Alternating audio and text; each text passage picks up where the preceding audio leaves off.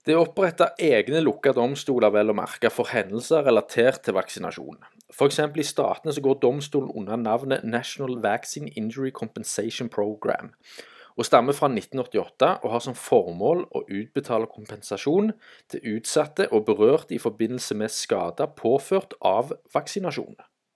Og Skadeomfanget kan dreie seg om tilstander som ASD, autisme, ADD, ADHD, allergier, mage-tarm, død samt andre kognitive og nevrologiske tilstander.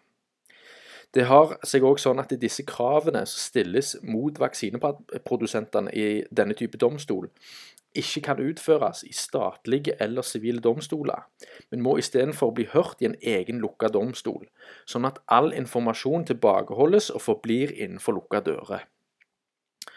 Og Utbetalinga til berørte blir utbetalt fra et fond som dekkes av landets skattebetalere, og har frem til 2019 i land som USA utbetalt hele 4,2 billioner amerikanske dollar. Så pga. søksmål på søksmål mot vaksineprodusentene, så ble denne vaksinedomstolen med sine særpreg oppretta i 1988 for å unngå fremtidig konkurs. Om ikke det var nok, så ble det før denne vaksinedomstolen oppretta en lov kalt National Childhood Vaccine Injury Act i 1986.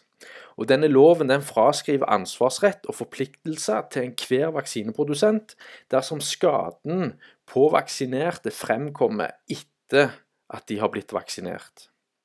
Så den utsatte eller pårørende må ta saken til vaksinedomstolen innenfor lukka dører, hvor det enkelt sagt skrives ut en kompensasjon for vaksineskaden eller skadene, og som ikke da kommer fra vaksineprodusenten sjøl, men fra skattebetalerne. For uten denne ordninga hadde vaksineprodusentene ikke eksistert i det hele tatt, som sagt. Og Hvis han går litt mer spesifikt inn på type vaksiner, så kan han ta rotavirusvaksinen som et eksempel.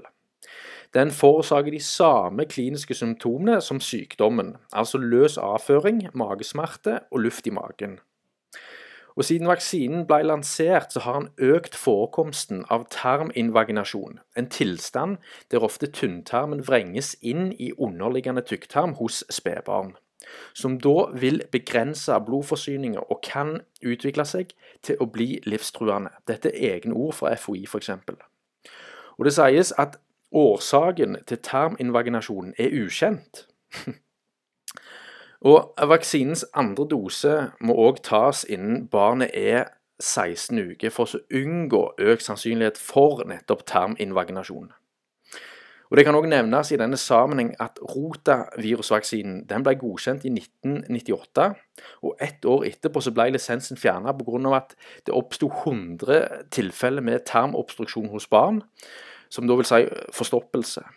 Og Komiteen for granskning i denne sammenhengen var utvalgte medlemmer med tilknytning til farmasiindustrien sjøl, som selvfølgelig ikke er da bias og fullstendig nøytral i denne sammenheng.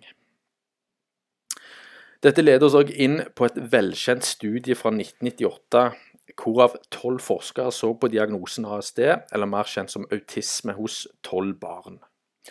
Og Fellestrekk hos alle barna var at de hadde kolitt, som er en betennelsessykdom i tarmen, i mild til moderat grad. Forskninga som ble utført, konkluderte med at alle barna hadde i perioden like etter vaksineringa med MMR-vaksinen begynt å endre atferd som et resultat av betennelsesprosessen i tarm og mage. Og MMR-vaksinen var den utløsende faktoren hos de alle. Og Studiet ble publisert i den anerkjente legejournalen The Lancet, hvor alle studier som publiseres, må gå gjennom en fagfellevurdering, såkalt peer review på godt nynorsk. Til tross for godkjenninga ble studiet så fjerna fra journalen når studiet begynte å få publisitet, og ble så misvist som feilinformasjon uten en vitenskapelig dokumentasjon til hvorfor.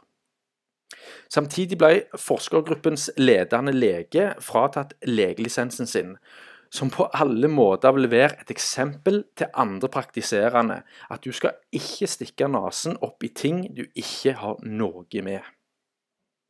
Et eksempel av flere som kan nevnes, er òg kopper. Det er den eneste sykdommen som det sies er utrydda takket være vaksinasjonsprogrammet som slutta på 1960- og 70-tallet, og har før den tid herja i flere mannsaldre. Men, men, hvorfor har det seg da at byer som f.eks. Eh, Leicester i England og Cleveland, Ohio i Statene fikk utrydda sykdommen lokalt med det samme de slutta å vaksinere innbyggerne sine, og heller innførte sanitære utbedringer som f.eks. å unngå å la hestemøkk ligge i gatene, og la være å drite i samme rom som han spiser.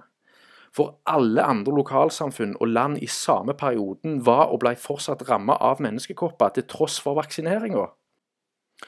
Og Hvis han går inn på WHOs egen hjemmeside og spør hvorfor han ikke kan ta vaksine mot kopper lenger, så er svaret i FAQ-seksjonen at, at, den har vist seg å være så dødelig i så stor grad at om han kunne, ville han ikke bli distribuert. Så kvisa på nesen kan ikke være større. Men allikevel ser man ikke pga. at vi blir fortalt at vaksiner er nyttig, og hele den regla der. Men hva vitenskapelig og historisk data legges til grunn annet enn statistikk, som da ikke viser mer enn hva han putter inn?